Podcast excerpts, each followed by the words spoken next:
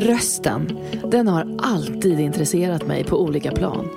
Rösten som instrument, kommunikationsredskap, möjlighet och skyldighet och demokratiskt verktyg. Alla har vi en röst på ett eller annat sätt. Men hur använder vi den? Det vill jag prata om. Jag heter Sanna Martin och är sångerska, skådespelerska, speaker, skribent och poddare. Välkommen till Din röst, en podd om rösten och dess makt. Din röst.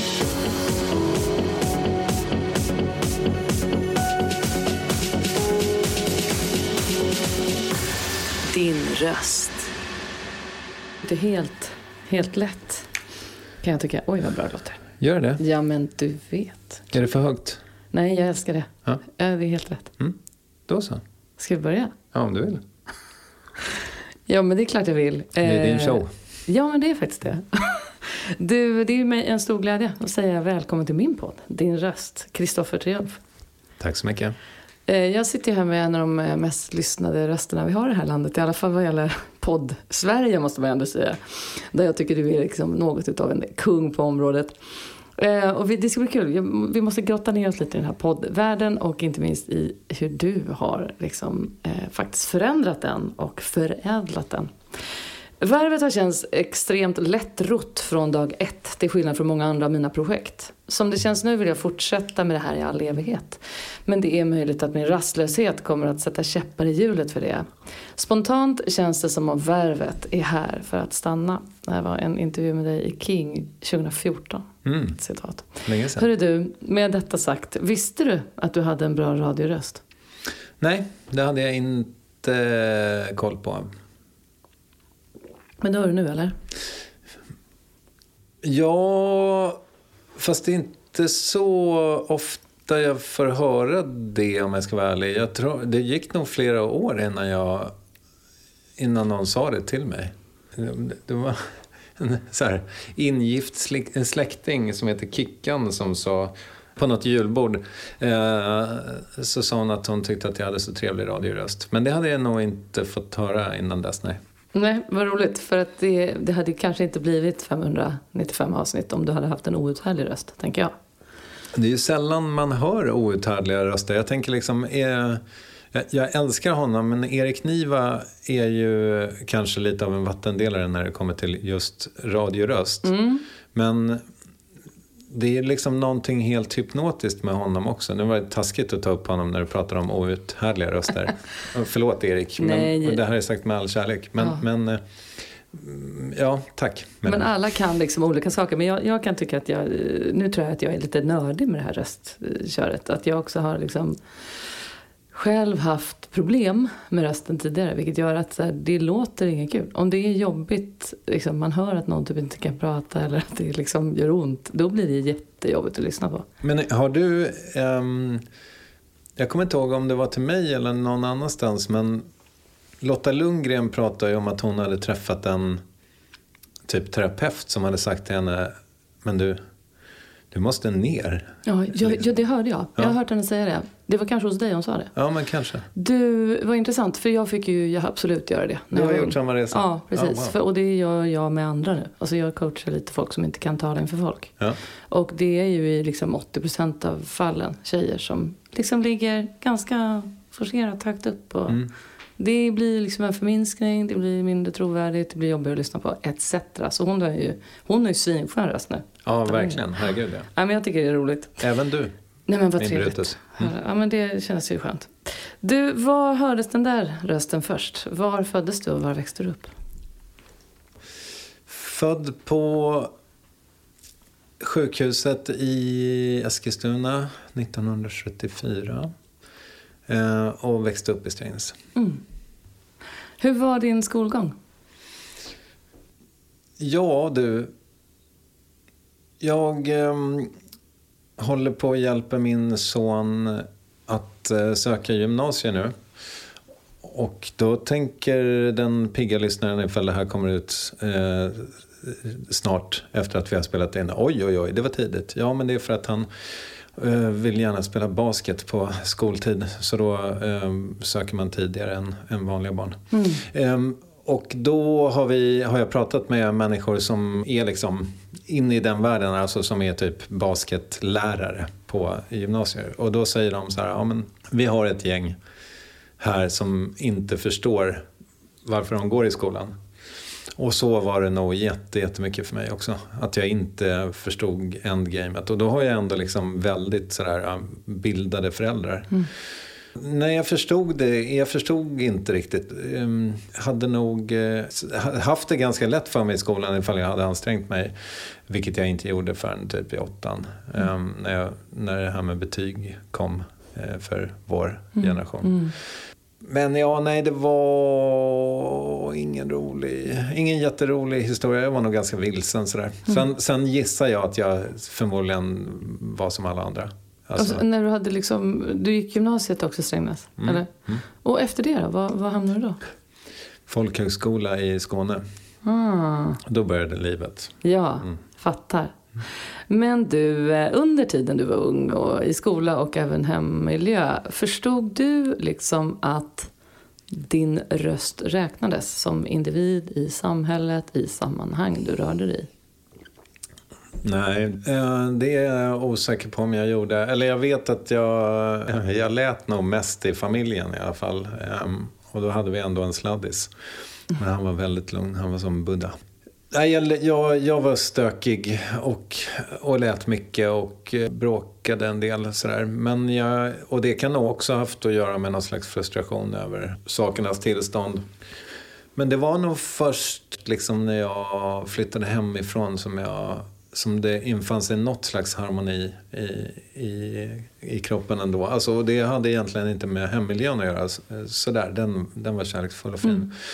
Eh, utan det var nog mer det att jag var liksom lite vilsen och inte... Alltså jag visste att jag ville hålla på med någonting konstnärligt på något sätt. Sådär, men förstod inte riktigt vad.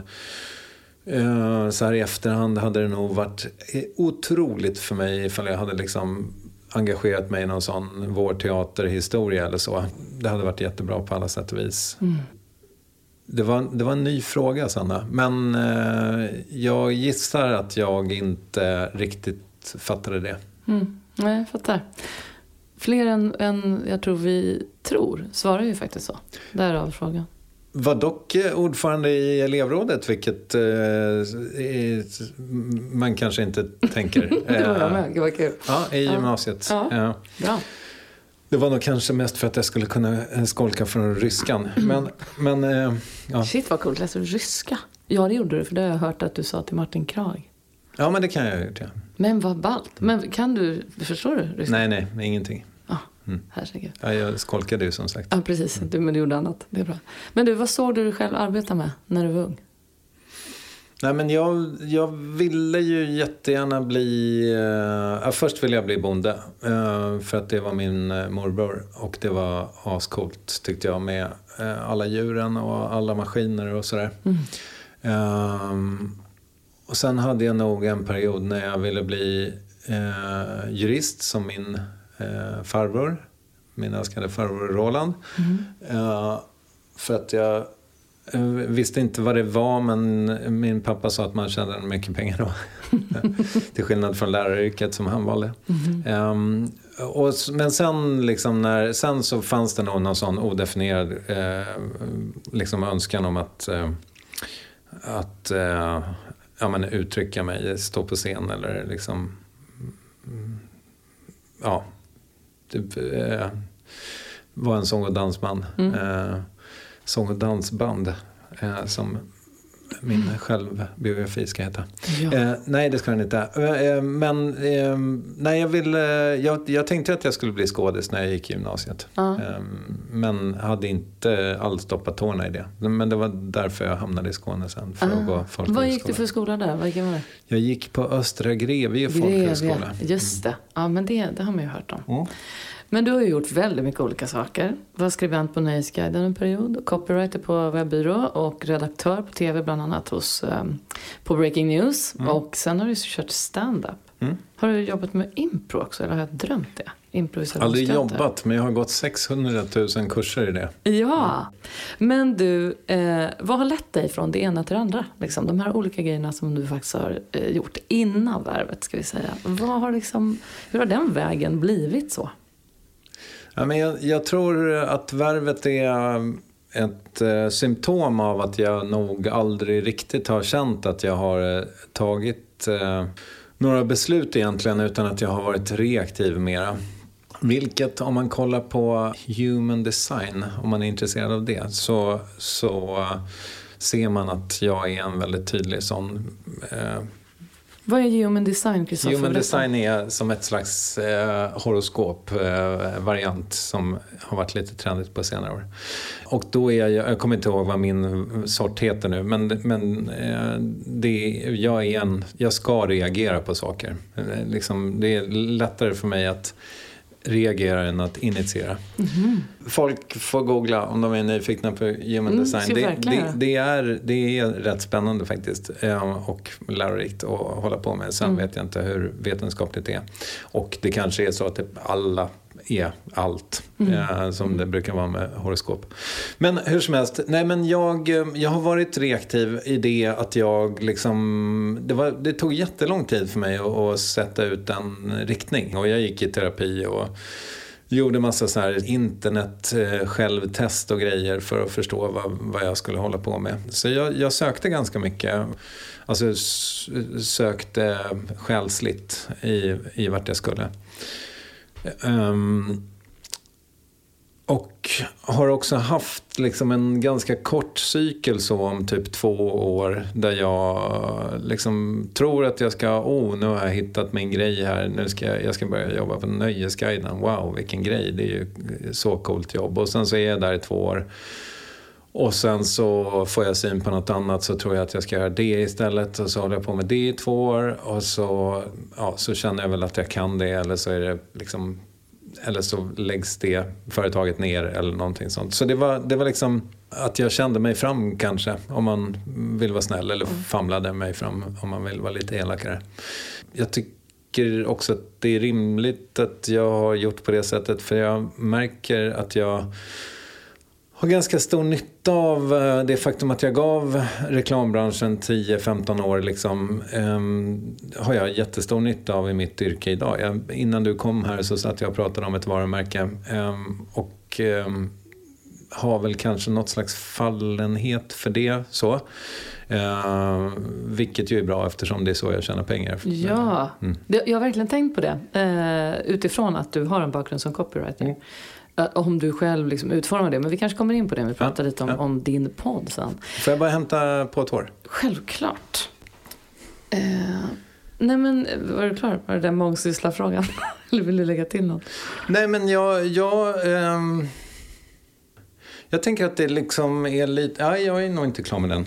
Um, jag tänker att det har varit en liten folksjukdom för min eh, generation kanske att vara vilse och jag tror att många människor fortfarande känner sig det att man är på liksom fel jobb av fel anledning eller kanske till och med i fel relation av fel anledning liksom, men man inte riktigt vet hur man ska eh, komma till rätta med det eller man mm. har inte råd att skilja sig eller vad det nu kan vara. Eller säga upp sig och satsa på någonting man verkligen vill. Så jag tänker att eh, det jag har nog varit lite så här, oh varför tog det så lång tid för mig um, att komma på. Men jag tänker så här i efterhand att det, men det var alldeles, det var precis så det skulle vara. Uh, det skulle ta tid. Um, liksom. Och jag var ja. ändå, vad var jag, 37-ish när jag drog igång värvet. Mm. Och nu när man är så här gammal då tycker man ju det är ganska ungt. Men verkligen, jag tänkte verkligen på det. Just för att jag upplever att det är jättemånga i vår, jag är ju ett år yngre nu då, 75 okay. mm. Att liksom det är för jättefå som vet vad de vill göra när de blir stora. Alltså mm. också nu, mm. att man är kanske runt 50 och är så här, nej men nu vill jag ta ett annat steg. Alltså jag har nog inte landat där jag vill landa. Det, jag vet inte om det är vår förväntan snarare på att vi ska hitta lösningar och att vi skulle veta. Mm. Jag tror inte att det är något vilset i det alls. Jag tror att det är helt sunt. Det är snarare fel liksom mindset, att vi tror att det ska finnas en. Ja, och jag tänker också att man...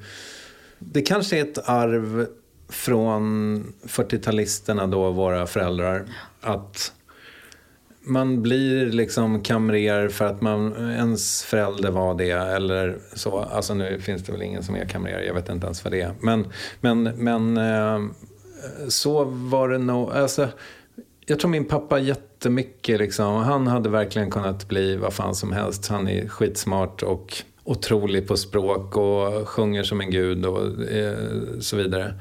Han hade kunnat bli liksom lite vad som helst men jag tror att han var väldigt liksom präglad av sin klassresa. Mm. Att de, hans mamma tyckte liksom att pojkarna skulle utbilda sig, det var det viktigaste för henne. Så. Och eh, sen så kommer vi till världen och så har man liksom Ja, men kanske ändå att det där präglar en på något undermedvetet sätt. Vad, vad de nu hade för tankar ens föräldrar om att, vad man skulle göra. Och att vi kanske aldrig egentligen har tränat jättemycket på att lyssna på oss själva. Okej, okay, vad, vad, vad går jag igång på då? Och det är väl aldrig, det är ju aldrig för sent att börja lyssna på sig själv. Men det hade varit fint att, att få träna på det mm. tidigare, mm. kan jag tycka. Verkligen. Och också inte skämmas. Jag, jag, tror, för min del var det nog ganska mycket skam. Att det var så här... Uh, ja, men inte ska väl jag, varför, varför ska jag, liksom mm -hmm. så. Det var någon som sa det också att du, att jag i början, eller liksom de första åren, så där, ursäktade mig väldigt mycket i värvet och också så här, styrde, alltid styrde bort samtalet ifall gästen var nyfiken på mig eller så. Så var jag väldigt noga med att åter, styra tillbaka på, på gästen. Och varför säger jag det nu då? Jo, men... För att du inte vill vara gäst eller? Nej, jag, jag gillar jättemycket att vara gäst. Nej, men jag, jag tänker liksom att, ja, men, och det kanske bara är för oss då som vill synas eh, och höras att det är skamligt. Liksom. Men, eller, ja. Att vi får för oss att det är skamligt på något sätt. Ja, men exakt. Mm. Alltså, egentligen så finns det, det är inget genant i det jag gör. Egentligen, alltså att prata med människor för att jag är nyfiken på dem. Nyfikenhet är ju superhäftigt. Och eh, också det enda sättet att växa på ju, tänker mm. jag. Mm. Så det, den nyfikenheten kan man ju odla på, antingen på sig själv eller genom andra. Mm liksom. ja, det fanns någonting vettigt om skam där i alla fall. Skit i det. um, alltså skit i att känna skam. Skit i att känna skam, ja. Verkligen skit i det. Kommer ingen vart med det. Men jag, vi har ju aldrig träffats tidigare. Jag har ju fått mitt intryck av dig rakt av genom Värvet. Som jag under lång tid och med stor behållning har lyssnat på. Tack. Mm. Det är jättehärligt. Det känns faktiskt lite som att sitta med en kompis som har varit ett sällskap i liksom, eh, lång tid nu. Det är skitkul. Eh, och ju längre tiden gått sedan värvets start så förmodar jag att du var inte vid att folk liksom vill prata med dig om hur du har jobbat fram det här och så vidare. Istället för att du då leder samtal. Men du, 2012 den drog igång. Hur kommer det sig att du startade värvet? Ja, men jag tror att den där, om du vänder dig om lite så borde du se honom. Det sitter en, en kille där i keps lång, långt till höger i bokhyllan med en t-shirt där det står Dad rules when mom's not home eller någonting sånt. Uh, och det där är nog den sista resan som vi gjorde uh, innan värvet. Uh, jag tror att den där bilden är tagen på Love när vi är i Los Angeles. Hans mamma och jag och han. Och jag är där för att göra min intervju med Mark Maron som jag då hade fått till helt sinnessjukt genom att ljuga för honom och säga att min podcast redan fanns men bara det att jag inte hade lagt ut någonting och att jag hemskt gärna ville intervjua honom. Um, och varför hade jag då bokat intervjun med honom? Ja men det var väl just sådär lite grann också i ljuset av mitt faderskap ändå att jag kände att eh, jag kan liksom inte eh, bara skvalpa runt längre nu när jag är pappa. Jag ska ju liksom vara en role model mm. för, för mitt barn och eh, ha ett, eh, en tillvaro som jag trivs med. Jag måste nog vara lite mer herre över mitt, mitt öde. Jag kan liksom inte sitta vid telefonen och hoppas på att Filip och Fredrik ska tycka att det är en bra idé att jag gör även nästa säsong av Breaking News. Så jag tror att jag startade Värvet ganska mycket för att... Eh, för, för på den tiden kunde man inte leva på podd. Däremot så tänkte jag att om jag intervjuar alla som bestämmer i TV-Sverige så kanske de kan ge mig jobb. För att jag ville nog in i, i TV-branschen då. Som redaktör, fortsätta som redaktör eller vad? Ja, men det kanske fanns en dröm om att någon ja, dag Kanske skulle... leda? Ja, ja. kanske. Ja. ja. precis. Det tror jag nog. Men, men, eh, och det hade jag nog inte erkänt för mig själv då. Mm. Sen också just det faktum att jag hade hört Mark Maron. Att jag tyckte liksom att hans samtal var så jävla härliga fastän jag inte visste vem gästen var. Nej. Eh, så eh, var det alltid väldigt givande att lyssna på de där konversationerna. Det fanns ju egentligen bara Sommar som tog människor i nöjesbranschen på allvar. Mm. Och det var för att de själva tog sig på allvar ja. då, när de gjorde sina sommarprat. Det, alltså, I ärlighetens namn så var det ju helt tomt på den typen av intervju som jag sen gjorde. Mm. Ja, nämnas bör i och för sig kanske podcasten Arthur som jag alltid försöker credda för att eh, Martin Degrell som gjorde den hjälpte mig också i, i början. Det har jag ingen koll på. Nej, Vad är detta han, för något? Han gjorde, han gjorde eh, intervjuer med människor i, i showbiz, eh, särskilt i Amerika. Eh, han är liksom tv-nörd och skrev för TV-dags när den fortfarande fanns. Eh, och sådär. Jätteduktig på, han vet allting om alla människor i comedy-svängen. Liksom. Mm, mm, mm. Um, så han gjorde intervjuer över Skype typ um, med folk i nöjesbranschen. Men, men den var nog ganska en ganska smal företeelse. Mm. Så både han och sen Soran Ismail som jag hade som första gäst hjälpte mig liksom rent, alltså sådär, okej okay, vad behöver man, hur gör man och så vidare. Mm. Men Mark, alltså, utan Mark Maron hade jag nog inte fått idén. Nej. Nu är det nu är det någon som ska in i, i vinkällaren här intill. Ah, härligt. Ett jävla spring där idag. Ah, mm. det är inget, vi bjuder på det. Den här podden görs i samarbete med Vicky Nöjesproduktion och To Entertain. Två av Sveriges största nöjesproducenter som förser oss med stora upplevelser på olika scener runt om i Sverige och inte minst i Stockholm. Under årens lopp har jag fått använda min röst på en del av deras scener och i tider som våra så tror jag verkligen att vi kan må bra av att bli underhållna. På anrika Oscarsteatern i Stockholm så spelas just nu Änglagård, en ny svensk musikal med musik av Fredrik Kempe i regi av Edvard af Sillén och med manus av Edvard af Sillén och Daniel Ren. De har sålt 110 000 biljetter redan.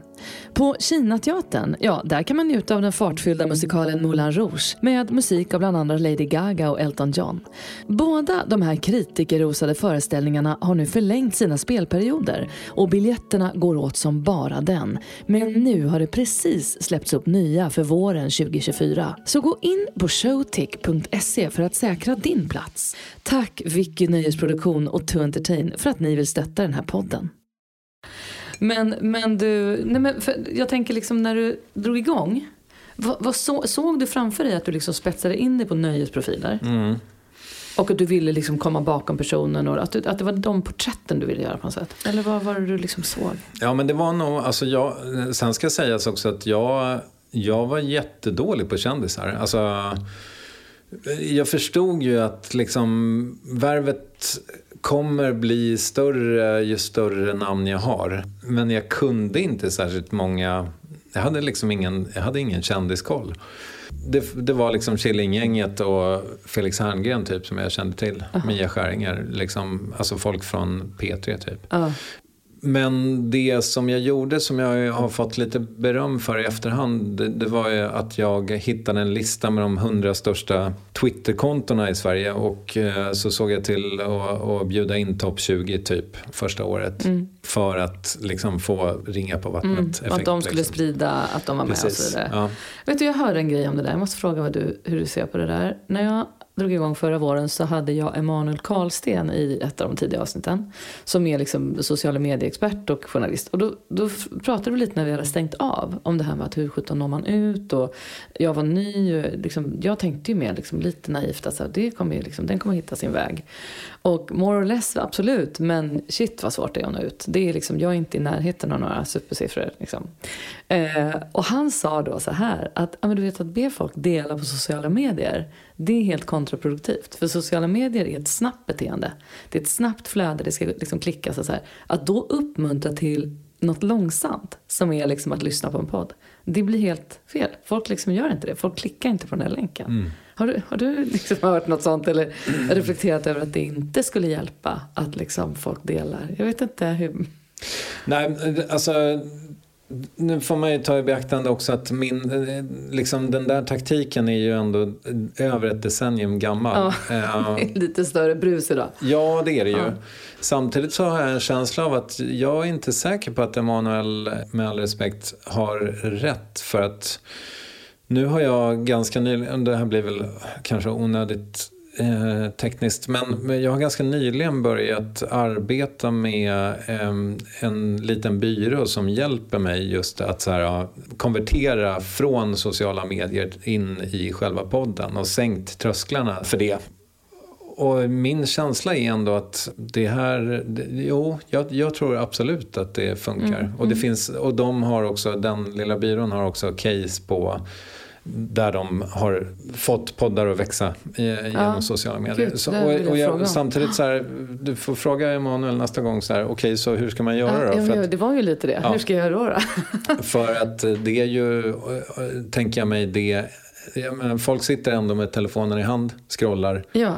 Och har man då någonting som appellerar, där jag håller på att kolla på det just nu. Hur kan jag göra det jag kommunicerar på sociala medier ännu mer lockande då för att vilja lyssna. Mm. Ehm, Så de trösklarna håller på att filas ner i detta nu. Ja, Ehm, gud vad intressant. Ja. Men ehm, det, det är det bästa sättet ändå. Mm, mm, alltså okej, det kanske är det minst dåliga då. Men, Precis. Ja. Men ja, exakt. Det är inte så att vi har eh, jättemånga sätt kanske. Eller i alla fall inte jag känner inte till så många. Men du, det här med Mark Maron då. Eh, hans podd. Eh, jag läste att du hade en tanke från början om att, den, att du skulle spetsa in det då på nöjesprofiler och att ni skulle prata om avundsjuka som tema. Mm. Stämmer det eller? Ja, och det var ju Mark Maron, det var ju det att Mark Maron var så jävla bra eh, host när han var avundsjuk på sina gäster. Och missunnsam, liksom. Det var, det var helt fantastiskt. Eh, men däremot när jag kom hem med den intervjun och jag trodde att liksom, tematiken skulle vara det så jag tror kanske till och med att det klipptes bort eller ner ganska mycket av det snacket för det kändes inte så lustfyllt sen. Jag, jag, märk, jag, jag kände på ett ganska tidigt stadium att så här, Dels så är jag faktiskt inte så intresserad av avundsjuka själv. Jag vill liksom inte odla det hos mig själv. Jag tänkte nu 12 år senare och sitta och bara ha jobbat med avund. Nej men precis. Det är inte bra jag för tror inte ens... att jag hade lyssnat lika mycket på dig då. Eh, Och i de, i de fall när jag liksom har varit missunnsam mot gästen så, så får man, så får man liksom förklä det i, i Vilka gäster har det varit? Jag vet inte. Jag vet inte. Det, nej, men det, jag, jag, jag, faktum är att... Jag, och det var väl också därför jag bottnade liksom inte i avunden så himla mycket. Men förutom honom då, vad har du liksom inspirerats av i ditt arbete under vägen med Värvet? Jag kan nog eh, erkänna att eh, andra intervjuare, så här, alltså som Thomas Andersson Vi till exempel, när han, när han gör det så tycker jag ofta att jag hittar liksom resonemang hos honom eh, och liksom sätt att ställa frågor på och mål, måla bilder som, jag, som inspirerar mig. Eh, Katarina Har tyckte jag Ja, också. älskade henne. Ja, ja, hon var pissjobbig att bli intervjuad av ska sägas. Ja, det för var, du blev det, ja. Ja, Ja. Det var, och det var, inte, det var inte trauma, men det var, det var liksom svårt att... eh, För jag var, jag var liksom på en plats i livet. Jag var så här... Åh, åh, Katarina, vad kul att du är här. Ja, men nu ska vi prata om döden, sa du. Men du, Eh, på vilket sätt var hon jobbig liksom? Nej men just att hon, hon liksom, och det var, ju, det, det var ju det som blev så bra när hon gjorde det med andra. Men hon bet sig fast liksom vid det som, alltså hon ville verkligen in i smärtpunkterna. Ja, för det är, ju, det är ju fler än en hon har fått att bryta ihop. Ja, ja. Inga som man kanske tänker ska bryta ihop. Men jag förstår vad du... Men ja, ja vad intressant. ja så att, men, men samtidigt så här, ja, jag känner att hon är saknad. Ja, Ehm, det är hon verkligen. Och eh, ja, jag kan säkert hitta inspiration hos Martin Wiklin ibland också. För att han är, det han gör som jag, alltså som, som han är väldigt duktig på, det är ju researchdelen. Och där man känner också att han är, eh, de är ett kollektiv som gör det. Ja. Eh, Jag har experimenterat med att lägga ut research och, och frågeskrivning till, till medarbetare men, men eh, det blir nästan aldrig bra. Jag hade Lovisa Olsson som numera är någon slags poddchef någonstans. Hon eh, satt och skrev frågor till mig i liksom ett års tid och sen så hon var så himla försynt och, och trevlig och, och var sådär. Men du, nu har jag hållit på och skrivit frågor här till Värvet i, ja men det är snart ett år och jag, jag tror fortfarande inte du har ställt en enda av dem faktiskt. Så att, är det okej okay med dig att jag slutar med det? Jag, men jag tyckte att det var så jävla skönt att ha hennes liksom, frågebatteri. Men, men, men jag skrev alltid mina egna först. Liksom, för att det är någonting med att jag, jag kan inte inte researcha ifall jag ska Nej. känna... Vet att, eh, igår så sa jag till en nära vän till mig att jag ska träffa dig idag. Han lyssnar också jättemycket på dig. Han bara, du jag hörde ett rykte om att han inte i början gjorde någon research på gästerna. Mm. Du måste fråga det. Jaha, så det är ju omöjligt tänkte jag bara i Mm. mitt stilla sinne. Men stämmer det? Det var ju en period när jag nästan, när jag hade liksom heltidsjobb och värvet och ett ganska litet barn hemma. Så att ja, det fick ju stryka på foten. Särskilt tror jag det mörkaste året är nog 2013. Jag tog inte det på så stort allvar ty tyvärr. Men jag var, jag var ju ensam så länge så jag, fick, jag kunde liksom göra lite som jag ville och värvet växte ändå. För mig har det varit jättebra även om jag har varit rädd i perioder liksom som det kanske jag har sagt förut, men när vad sjutton heter han nu då? Erik Skylt började göra intervjuer för Expressen, 60 minuter. Då tänkte jag så här, okej, ja men det var ju kul så länge det var, men nu kommer han och tar, tar liksom hela den här branschen.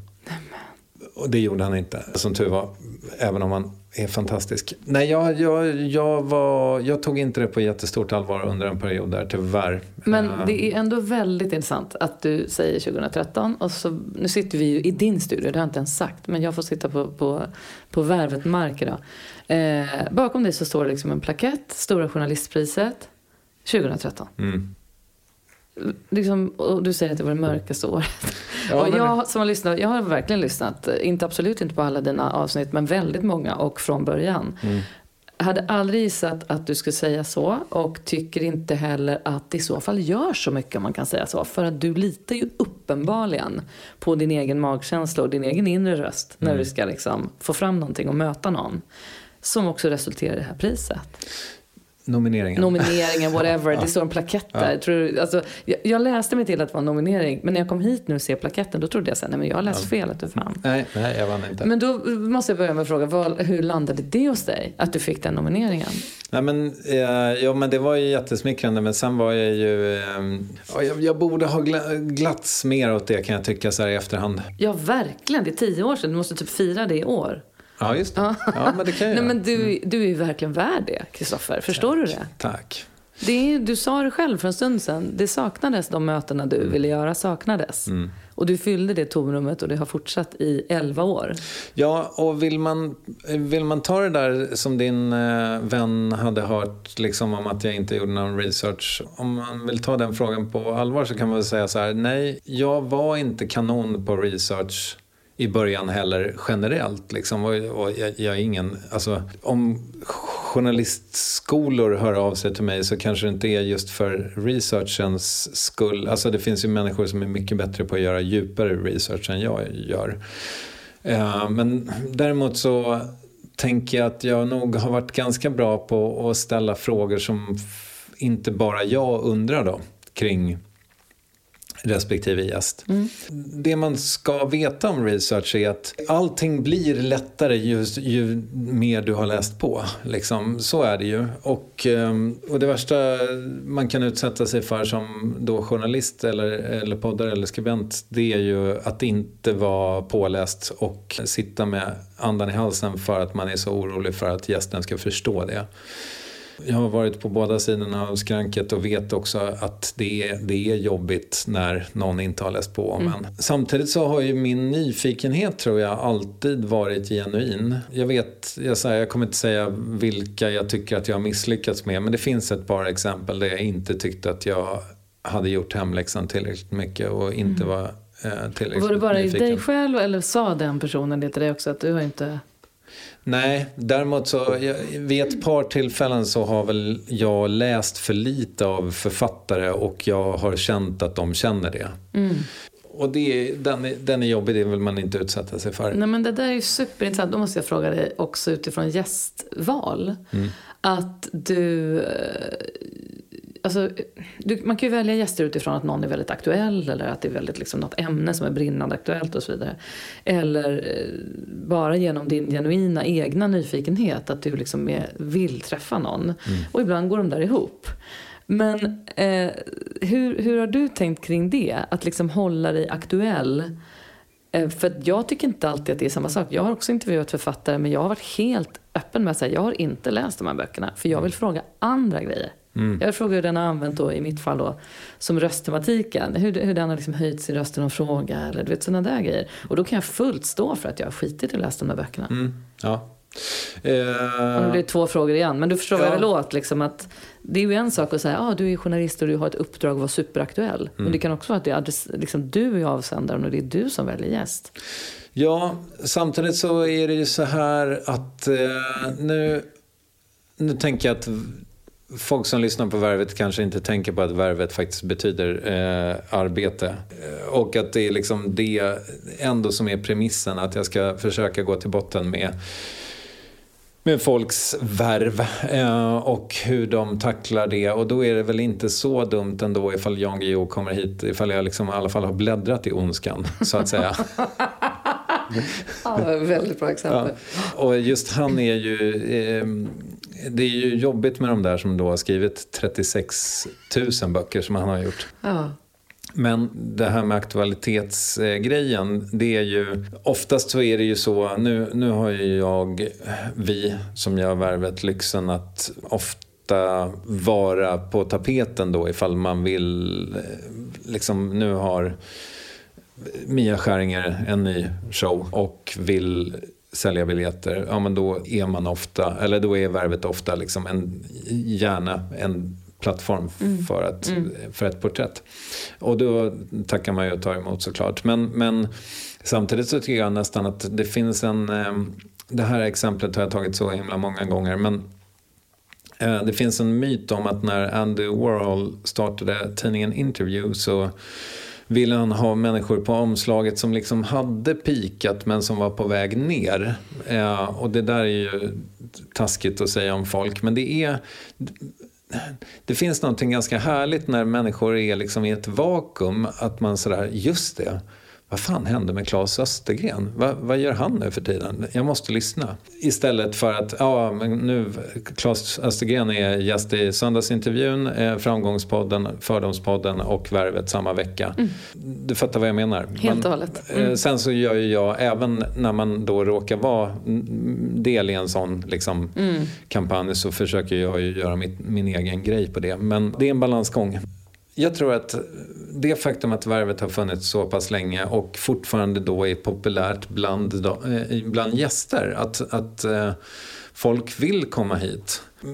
Jag hoppas att det är för att gästerna känner att jag dels då är genuint nyfiken men också ganska duktig tror jag på att hitta luckorna i narrativet så att säga. Alltså, eh, just de här grejerna som inte är berättade i alla andra intervjuer men som ändå är liksom relevanta för, för den personens story. sådär.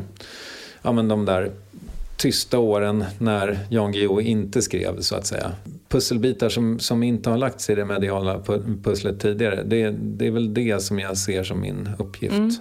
Det jag har med mig och som jag tror faktiskt känns just genuint det är väl nyfikenheten. Liksom. Och, känn, och det där har jag pratat om också med folkhögskolestudenter som ska bli eh, journalister. Att även de mest banala frågorna kan vara helt fantastiska att få svara på ifall de är ställda med genuin nyfikenhet. Liksom. Om ett barn verkligen vill veta vad ens favoritfärg är så, så känner man ju att det betyder någonting vad man svarar. Liksom. Eh, och råkar man då svara blå och det är rätt svar för barnet då blir det ju jävligt kul allting. Liksom. Eh, Faktiskt. Det är nästan alltid blå. Kan man, kan, eh, Ja. Ja, ja jag, jag tänker att att eh, jag har varit ganska duktig på att odla min nyfikenhet. Och det är det också som jag tänker att det är det jag använder researchen till. Mm. Jag, jag, kommer liksom inte... Jag, jag, kommer kanske inte vara den som kommer med de absolut största avslöjandena. Men jag kommer kanske vara nyfiknast av oss som då gör Jonas Gardell i det medieskovet så att säga. Mm. Alltså det finns två miljoner poddar i världen läste jag mig till och jag har försökt i flera dagar att få lyssna på alla? Nej, det har jag aldrig gjort. Mm. Men jag har försökt fatta hur många som görs i Sverige. Mm. Får inte fram någon siffra. Okay. Va, vet du? Nej. Nej. Men att poddmediet generellt når liksom 32 procent av Sveriges befolkning tycker jag är rätt mäktigt. Jag trodde inte riktigt det var så många. Men det här med att nå ut. Hur liksom, ehm, förhåller du dig till det idag? Checkar du dina siffror konstant? Att du har full koll på var du ligger? Eh, och kan leverera de siffrorna till samarbetspartners och så vidare. Att det är väldigt centralt i din liksom, idé. Nej, som tur är så finns det ju människor på eh, Acast i mitt fall som ser till att eh, jag eh, når rätt siffror och sådär. Jag kände väl ganska tidigt ändå att det gav mig inte jättemycket att sitta och jämföra avsnitt och så här, titta vilka gäster som går bäst och, och sämst och sådär. Utan jag vill hellre fortsätta styras av min nyfikenhet. Sen är det ju så här, jag menar, jag är ju ändå beroende av ett, ett viss, alltså en viss räckvidd för att fortsätta kunna leva på det. Mm. Jag kan liksom inte bara börja intervjua knypplare i Ullared, även om jag skulle älska att få täcka dem också. Men så, ja, det var, det var, det var, det var en jag, jag oväntad försöker, detalj där. Jag, jag ja. försöker säga att eh, jag måste, liksom, jag, jag, jag, måste fortsätta intervjua kända människor tror jag för att liksom, fortsätta kunna leva på det.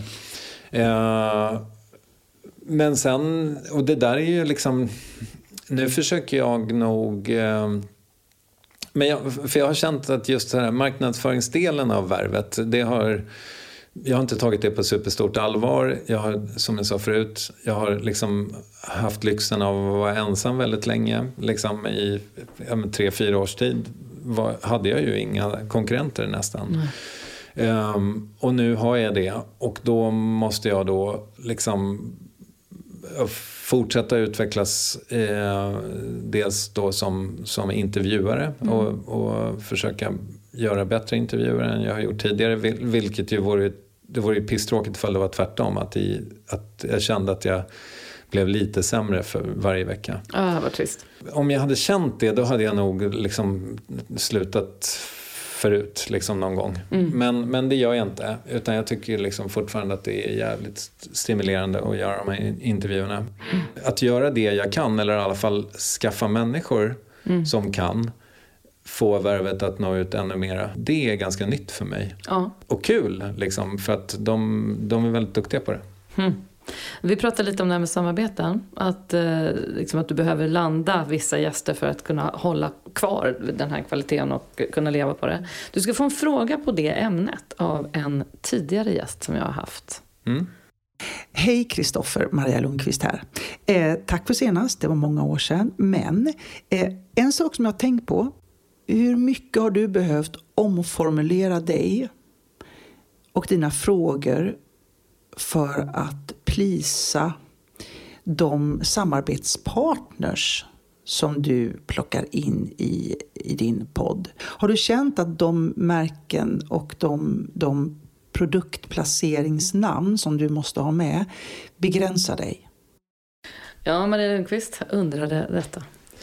Ja, då vill jag bara säga först att produktplacering eh, har jag, även om det har funnits propåer genom åren, så jag har aldrig låtit mina sponsorat liksom, eh, flyta in i intervjun. Um, det, frågan har ställts många gånger, nu vet mm. de på Acast att så här, nej, han kommer inte fråga vilken av liksom eh, det här företagets smaker som är favoriten. Aha, eh, så mm. så att jag, nu, nu får jag inte dem längre. Men Nej. det är extremt sällsynt att det har väl varit någon gång kanske där det har varit kanske så, nu måste jag liksom väga orden här lite för att eh, inte trampa någon på tårna, men, mm. men eh, där det då har varit, eh, kommit att handla om ett ämne och sen så har det stått i bjärt kontrast mot den liksom, sponsorn som jag har exakt just den veckan. Låt säga att eh, jag har Greenpeace där och sen så har jag en oljesponsor på samma gång. Inte exakt så, men, men typ. Och då har, man, då har jag ju faktiskt, liksom alla inblandade parter så har jag då flyttat på det avsnittet. Liksom.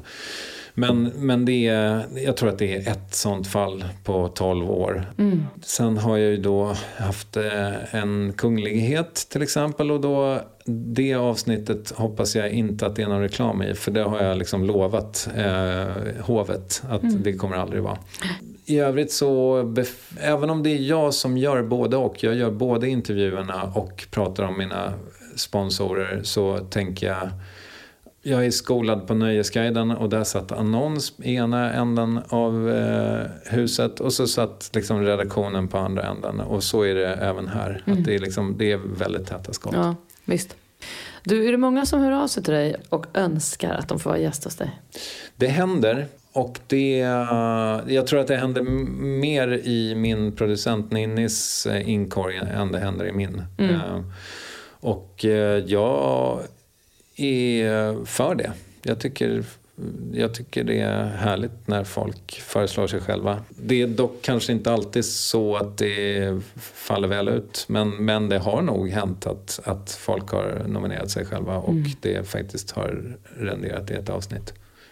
Och det här med drömgäst var ju till och med jag frågar om hela tiden då, vem man har som drömgäst. Och vad, du har nämnt, läste jag mig till, Zlatan, och jag blev så här, men vadå, har inte du haft honom? tänkte jag direkt. Men är det fortfarande en av dem du ser fram emot att eh, förmodligen få träffa någon gång? Nu är han väl ännu mer spännande än han var när han var aktiv. Nu mm. är det ju jätteintressant med hans eventuella vilsenhet. Mm. Är det någon annan du tänker på att du gärna skulle ha? Ja, men... Ska inte jinxa det i och för sig, men kan vara någon, om du skulle få träffa någon som inte finns längre, någon historisk person, vem hade du velat träffa då till exempel? Det skulle vara ganska intressant att få intervjua min farfar. Han dog ju så jävla ung. Eller han var kanske inte så där vansinnigt ung. Jag vet typ nästan ingenting om honom. Men han dog liksom när min pappa och, och farbror var jättesmå. Så här tre, fyra bast var de mm. liksom. Och eh, de är resultatet av ett andra äktenskap också. Så det hade varit ganska intressant tror jag. Han, eller det skulle jag gärna göra. Mm. Men det skulle vara intressant. Nu kanske det finns vissa språkliga barriärer där men eh, Carl Jung hade väl varit kul att prata med. Mm. Vet du, jag får ju den där frågan ibland och då, då vill jag liksom säga att alla, alla mina gäster är drömgäster. Mm. Jag fattar, mm. jag, jag håller med. Alltså jag, jag, ja, mm. verkligen. Och det är roligast ifall alla är med på det tycker jag. Det är lite som med mycket annat i livet. Ja, det, det är roligast ifall båda vill. Det är faktiskt ja. min nästa fråga. Eh, du har gjort 595 avsnitt. Vissa gäster har varit hos dig flera gånger. Eh, men det här med, om vi går in på ett litet spår. Gäster vi minns, eh, gäster du har haft.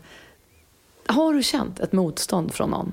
Eh, minns du det? Du behöver absolut inte nämna om du inte vill. Men för det kan man ju känna att det är skitjobbigt om man mm. säger, om man, om man märker liksom att den där vill inte vara här. Nej, jag har ju ett alltså, ganska, aktuell, eh, ganska aktuellt exempel. Jag trodde ju att eh, min intervju med Johan Reborg från 2012 var ett haveri. Eh, och jag har alltid tänkt liksom så här, men gud vad, gud vad synd att jag, det blev så dåligt med, med Johan. Liksom. Fan, det skulle vara kul att få göra om den. Så jag, mm. liksom, jag har sprungit på honom lite genom åren eh, när jag har varit, klivit in och ur eh, standup-världen och sådär. Mm.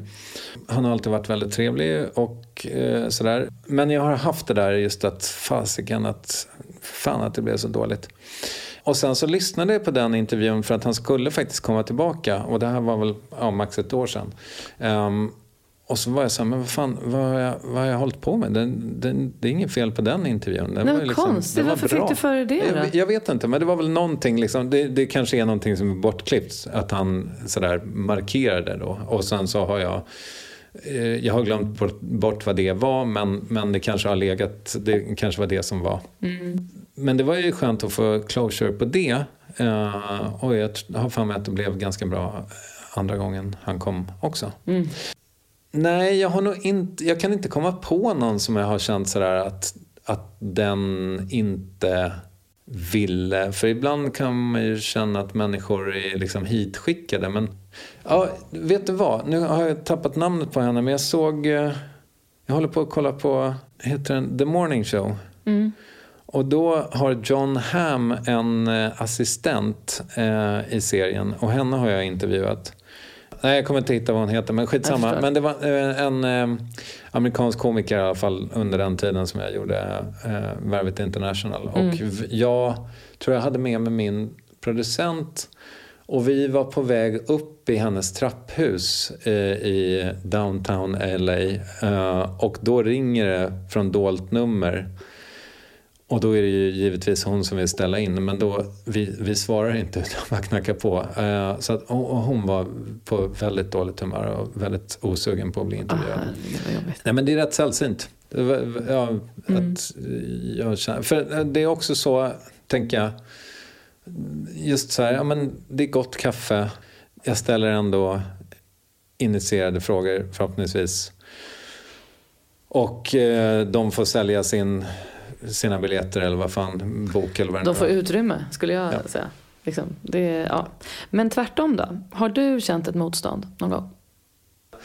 Ja, jag, jag tycker att jag har misslyckats vid några tillfällen med att skapa upp den nyfikenhet som jag... Liksom de kraven jag har på mig själv när det kommer till nyfikenhet. Eh, och då har det heller inte blivit jättebra. Nej. Jag funderar på just att du fick ju en del kritik när du intervjuade Jimmy Åkesson. Mm. Tycker du bemötte den skitbra. Du sa i Resumé. Min tro är att samtalsformat som Värvet kan ha sina fördelar och förstå politiken. En partiledare uppstår inte i ett vakuum. Åsikterna, tankarna och ideologin kommer från sammanhang och erfarenheter. Och genom att vidröra de personliga delar av livet som färgat partiledaren mest kan samtalet ge lyssnaren en ny förståelse för politikern. Det var väldigt bra sagt tycker jag. Och jag håller helt med att liksom, jag tänkte på det när jag startade den här podden. Att liksom i min, min vision var ju på något sätt också att att, eller eh, vision, jag tycker att dialog är ett demokratiskt verktyg. Som kan också faktiskt liksom, i en hållbar demokrati skapa mer förståelse överlag. Eh, och då blir ju liksom det skitviktigt att också våga möta människan. Även om du inte håller med om åsikterna. Mm. Men har det stuckit i dig någon gång? Eller när du har fått den här kritiken, har det liksom stört dig? Ja, men just eh, Jimmy Åkesson var ju eh, faktiskt obehagligt. Sen, sen förstår jag ju i efterhand så här att även om folk skrev var jag bodde på sociala medier och, och liksom det var obehaglig stämning så var ju det verkligen ingenting i jämförelse med till exempel vad Annie Lööf har fått stå ut med. Men samtidigt så har ju hon liksom, hade ju hon eh, personskydd och sådär. Däremot så var jag livrädd när jag skulle, inte, nu är jag inte säker på att jag svarar på frågan, men jag var livrädd när jag skulle intervjua Lars Vilks. Då trodde jag liksom att det här är jättefarligt. Det kom ingenting efter den. Men var du rädd där och då? Också sen när ni skulle mötas? Ja, men nej, det var jag väl inte. Alltså, men det var ganska häftigt för det var liksom, det var, jag, jag, jag fick berätta vilket plan, jag fick nog bestämma själv vilket plan jag skulle komma med. Men sen tog Säpo hand om allting. Det var sådär, ja men vi möter dig på flygplatsen. Okej, hur ska jag veta vem ni, vem, nej vi, vi vet vem You'll du är. know. Ja, ja, exakt. Herregud, det här har, inte, det här har jag liksom glömt bort att du faktiskt har gjort den. Ja. Liksom. Det, det, är, det är ju helt otroligt att du faktiskt gjorde det. Och sen då att jag får liksom komma med min lilla väska med utrustning och så kliva in i en så här bepansrad liksom SUV och eh, åka till en adress som jag inte visste vad det var. Liksom. Shit. Lunds polisstation visade det sig. Mm. Ja, det, var, ja, men det, var, det var häftigt. Mm. Samtidigt så tycker jag kanske att jag har varit lite safe. Liksom. Jag, jag har... eh, Ja, men det har, varit, det, det har kanske varit lite för vänstertrivsligt liksom. Och att jag... Eh, borde kanske ha haft fler kontroversiella gäster än jag har haft. Eh, Fast, men det, det är inte jag för kan sent. känna, ja, nej, det är klart att det inte är, men det ska ju komma från dig. Jo, det ska jo. inte bara vara för sakens Nej. skull. Jag. Mm. jag har också fått den typen av kritik. Att säga, gud vad bekvämt och vad mysigt. Och, jag är så här, fast jag har inget uppdrag från någon liksom, Sveriges Television. Eller jag, har, jag gör det här för att jag vill det. Visst. Så det är liksom, jag tycker också att det är så onödigt. Men eh, kungen måste, måste jag ju bara höra då. Eh, det var ett väldigt fint samtal tycker jag. Eh, och eh, jag vet ju då, jag har faktiskt aldrig, jag har aldrig frågat honom. Men jag vet ju att det är ju så att frågar man en gång och får nej, då får man inte fråga igen. Mhm. Eh, då, då, då är dörren liksom stängd. I, om en person i hovet då säger nej. Okej. Då är det så här, nej, det, så har jag förstått att det är. Aha. Hur kom det sig att det här gick att få till? Nej, men jag måste ju ha varit på väldigt eh, rätt humör när jag fick träffa liksom hovets pressavdelning. Vad kan det ha varit? 2020? Det känns inte som det var pandemi. Jo, kanske, för jag, jag tror vi satt väldigt glest. Liksom. Eh, men jag, jag måste ha gjort en jävla bra pitch helt enkelt. För att eh, jag fanns ju på deras radar då. Och sen då i samband med att kungen skulle fylla jämt var det väl. Då ehm, hade jag uppvaktat dem då första gången liksom, ja, men ett, ett halvår tidigare eller någonting sånt där. Eh, och skickat lite grejer till dem under tiden. De hade bett om liksom, ja, information, eh, vad det nu var.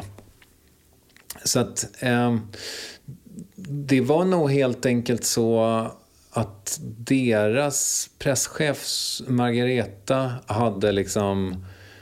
Hon hade en idé om att ja, men vi gör bara en intervju nu istället för... Nu är det är liksom pandemi, vilket ju i just det här fallet faktiskt var en lycklig omständighet för mig då.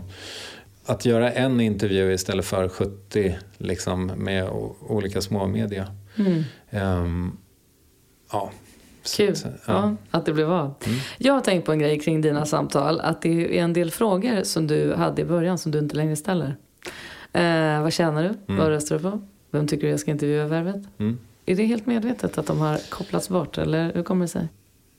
Jag tänker att värvet måste liksom utvecklas eh, i det lilla eller i det stora eh, för att det ska vara kul för lyssnarna och eh, stimulerande för mig att göra också. Standardfrågorna där som jag hade i början, alla tjänade i 36 och 5. Eh, så det var liksom... Och nu hade det väl varit 41 000 någonting. Säkert. Liksom för att man då ska slippa kommunalskatt eller vad det är. Statlig. Ja, statlig, sorry. Vem de vill att jag ska intervjua, jag, jag levererar nästan aldrig på det. Så då, då stektes den liksom. Eh, sådär. Så att, nej men Ja, jag... jag fattar. eh, ja, och rösta-frågan är väl i och för sig intressant. Men är den relevant alltid? Ja. Det är intressant. Nej, det är den ju inte. Mm. Och på det ämnet då så frågar jag alltid mina gäster, eftersom röst också är ett demokratiskt liksom, begrepp. Eh, hur förhåller du dig till ett riksdagsval? Vad gör liksom ett valår med dig? Allt mer tror jag ändå. Jag har ju jag har pratat lite om det här senast med Lena Andersson tror jag. Vi pratade, jag vet inte om det var... Nej, det var, vi, vi pratade om det när vi gick härifrån för vi slog följe en bit. Och, och, eller om det var intervjun, förlåt nu rör jag till det. Skitsamma. Jag har, jag har liksom tyckt att det varit ganska bekvämt att vara journalist och inte behöva ha några åsikter sådär. Och jag har tänkt att om public service hör av sig då har jag liksom rent, eh, rent mjöl i påsen. Jag har liksom inte gjort några politiska utspel eller sådär. Eh, Samtidigt så tänker jag att det är lite eh, trist. Men jag, jag tror att jag skulle må bra av att ha lite mer åsikter helt enkelt. Så nu försöker jag odla dem.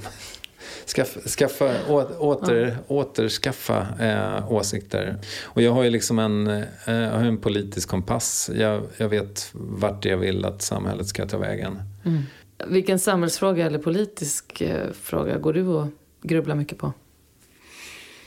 Ja, givetvis gängkriminaliteten. Just nu är vi i ett klimat där invandringen får eh, vara liksom den oemotsagda anledningen till att vi har de här gängskjutningarna och så. Måste det vara så och är det givna svaret verkligen att stänga gränser och att det ska vara hårdare tag och visitationszoner. Alltså att man ska kunna sätta yngre människor i fängelse och så vidare. Eh, jag har inga svar på de här frågorna men det är väl det som jag tänker så här, just i ljuset av att jag har en 15-åring också. Nu häktades precis när vi sitter här en 16-åring för tre mord. Ja, vad, vad, är det för samhälle som våra barn växer upp i? Ja, det är väl det. det. Det, är helt... Mm. Nej, men jag sa det till mina tjejer i morse att liksom vi jag vet inte hur du tänker kring det. Men jag menar, vad hade våra föräldrar med samtal, för samtal med oss? Mm. Det var inte om de här grejerna. Liksom. Alltså att vara förälder nu. Mm. Och att vara ung nu. Alltså, mm. Det är ju ingen jättelätt navigering alltså, nej. i detta. Nej, och, ja, nej. Mm. Du har två söner. En Love, som är på bild här bakom mig, och ja. en bonusson. Ja. Vad är det främsta du vill att de får med sig ut i livet från dig? Ja, det är så otroligt intressant för de tror på sig själva så mycket fast på helt olika sätt. Mina pojkar, eller mina, ja den mm. ena är ju, ja men det fattar, jag behöver inte förklara. Och det är inte jag säker på, eller kanske att vi har, alltså vi som är föräldrar till dem har hjälpt dem lite i det. Men, men det är ju någonting som jag hemskt gärna vill att de fortsätter odla. Och sen nyfikenhet. Och eh, att de inte allt för mycket äts upp av skam utan fortsätter att odla sin lust istället. Ja, ungefär så. Mm, bra svar. Jag har ofta med en fråga som jag har snott av dig. Mm. Är du orolig för världen? Ja, men jag är orolig för världen, absolut. Samtidigt så tänker jag att eh, oro är inte så fruktbart så jag försöker nog nästan, jag försöker nog, ja men det här klassiska liksom påverka det du kan och låt det som jag inte kan, eh, liksom, ja det får, det får vara. Mm. Men ja, eh, en grundoro finns nog. Även om jag är liksom, jag, jag lever med människor som är betydligt mer oroligt lagda. Och eh, ja, jag odlar mitt lugn istället. Mm, det är bra. Mm. Lär mig allt du kan. Om du fick vara minister, vad skulle du vara för minister och vad eh, skulle du ta tag i först? Nej, men jag skulle hemskt gärna i sådana fall bli kulturminister då. Jag eh, tänker att eh, eh, låta kulturen ta mycket större del i vårt samhälle och också just i ljuset av den utvecklingen som vi har försöka jobba med barn och kultur och och eh, gärna kultur och idrottsminister. Var inte det någon som var det? Amanda var det. Ja. Mm, absolut. Ja, men det låter mm. som en kanonkombo. Den Bra. tar jag gärna. För att, eh, bara. Ja. För att eh, vi måste satsa mycket, mycket, mycket mer på både kultur och idrott för unga. Gud vad bra svar. Vad ger det dig att konsumera kultur? Vad betyder det för dig att ha upplevelser som till exempel konserter, eh, teatrar, musikaler, humor? Nej men jättemycket. Jag, eh, alltså, som alla andra så har ju jag eh, och min eh, kära hustru liksom verkligen konsumerat eh, mycket tv-serier på senare år och eh, det är ju fantastiskt men det är också väldigt lätt att man växer fast i sin soffa. Och eh, vi har eh, Ja, men vi har så krångligt nu för att vi har tekniskt sett ingenstans att bo även om vi bor eh, just nu. Men vi, vi har sålt våra lägenheter. Så det är, liksom, det är, vi, det är bara Hemnet, Hemnet, Hemnet. Ah. Bully, bully, bully. Ja, det finns två. Det finns säkert någon tredje. Eh, så vi håller på med det där hela, hela tiden. Så nu har vi liksom sagt att nej, vi måste ut och, och, och liksom, vi måste gå på utställningar, vi måste gå på museum, vi måste se mm. teater. Eh, så att, eh, ja men jättemycket. Och ehm, det är en ynnest att bo i Stockholm eh, på det sättet. Även om jag gärna hade sett att det fanns mycket mer livemusik än det gör. V vad vill du påverka om du kan och hur vill du använda din röst framöver? Ja, men jag vill fortsätta att um, använda min röst till att uh, skapa intressanta samtal här. Nu är det ju så här va, att jag närmar mig 50 med stormsteg. Det är vi flera som gör, mm. eh, även om det går snabbare för mig än för dig till exempel. Och då var det någon som sa att eh, man är, då ska man liksom gå in i någon slags reflektionsfas. man lämnar de, de produktiva åren och sen så ska man börja reflektera eller vad fan det är. Eh, och jag är inte färdig med produktiviteten, det hoppas jag att jag aldrig blir. Men däremot så har jag en, en vag känsla av att jag eh, kanske har använt Alltså mina öron har så himla mycket varit min, mitt främsta arbetsverktyg. Och jag har lyssnat och lyssnat och lyssnat och jag tror kanske att det snart i någon mån är dags för mig att börja berätta också. Det är lite vagt och lite kryptiskt och det är det även för mig. Eh, men jag har en känsla av att snart är det dags att börja missionera kring någonting. Vad fint. Det tycker jag du, nu har inte jag läst din bok, men det har jag inte ens frågat om den för att det har varit så mycket andra saker som har kommit upp. Men där, du, min bild är ju att du är väldigt öppenhjärtig och ärlig och vågar vara det. Eh, så det kan väl vara en kompass, eh, att, du, att du verkligen ger dig själv möjligheten att fortsätta mm. berätta. Mm. Mm. Jag ska läsa den. Du kan få en bok innan du går. Du, tack för att du ville vara min gäst Kristoffer. Det var urkul att prata med dig och du har varit en stor inspiration för mig. Eh, lycka till med värvet framöver. Sluta för allt i världen inte. Och eh, ta hand om dig. Detsamma. Vad trevligt det var. Du är välkommen tillbaka när du vill. Åh, vad härligt. Tack för att ni har lyssnat det här avsnittet också. Hoppas ni hänger med vidare. Vi hörs igen. Hej. Nej, kanske inte exakt när du vill, men, men om du hör av dig innan är du välkommen. Vad trevligt.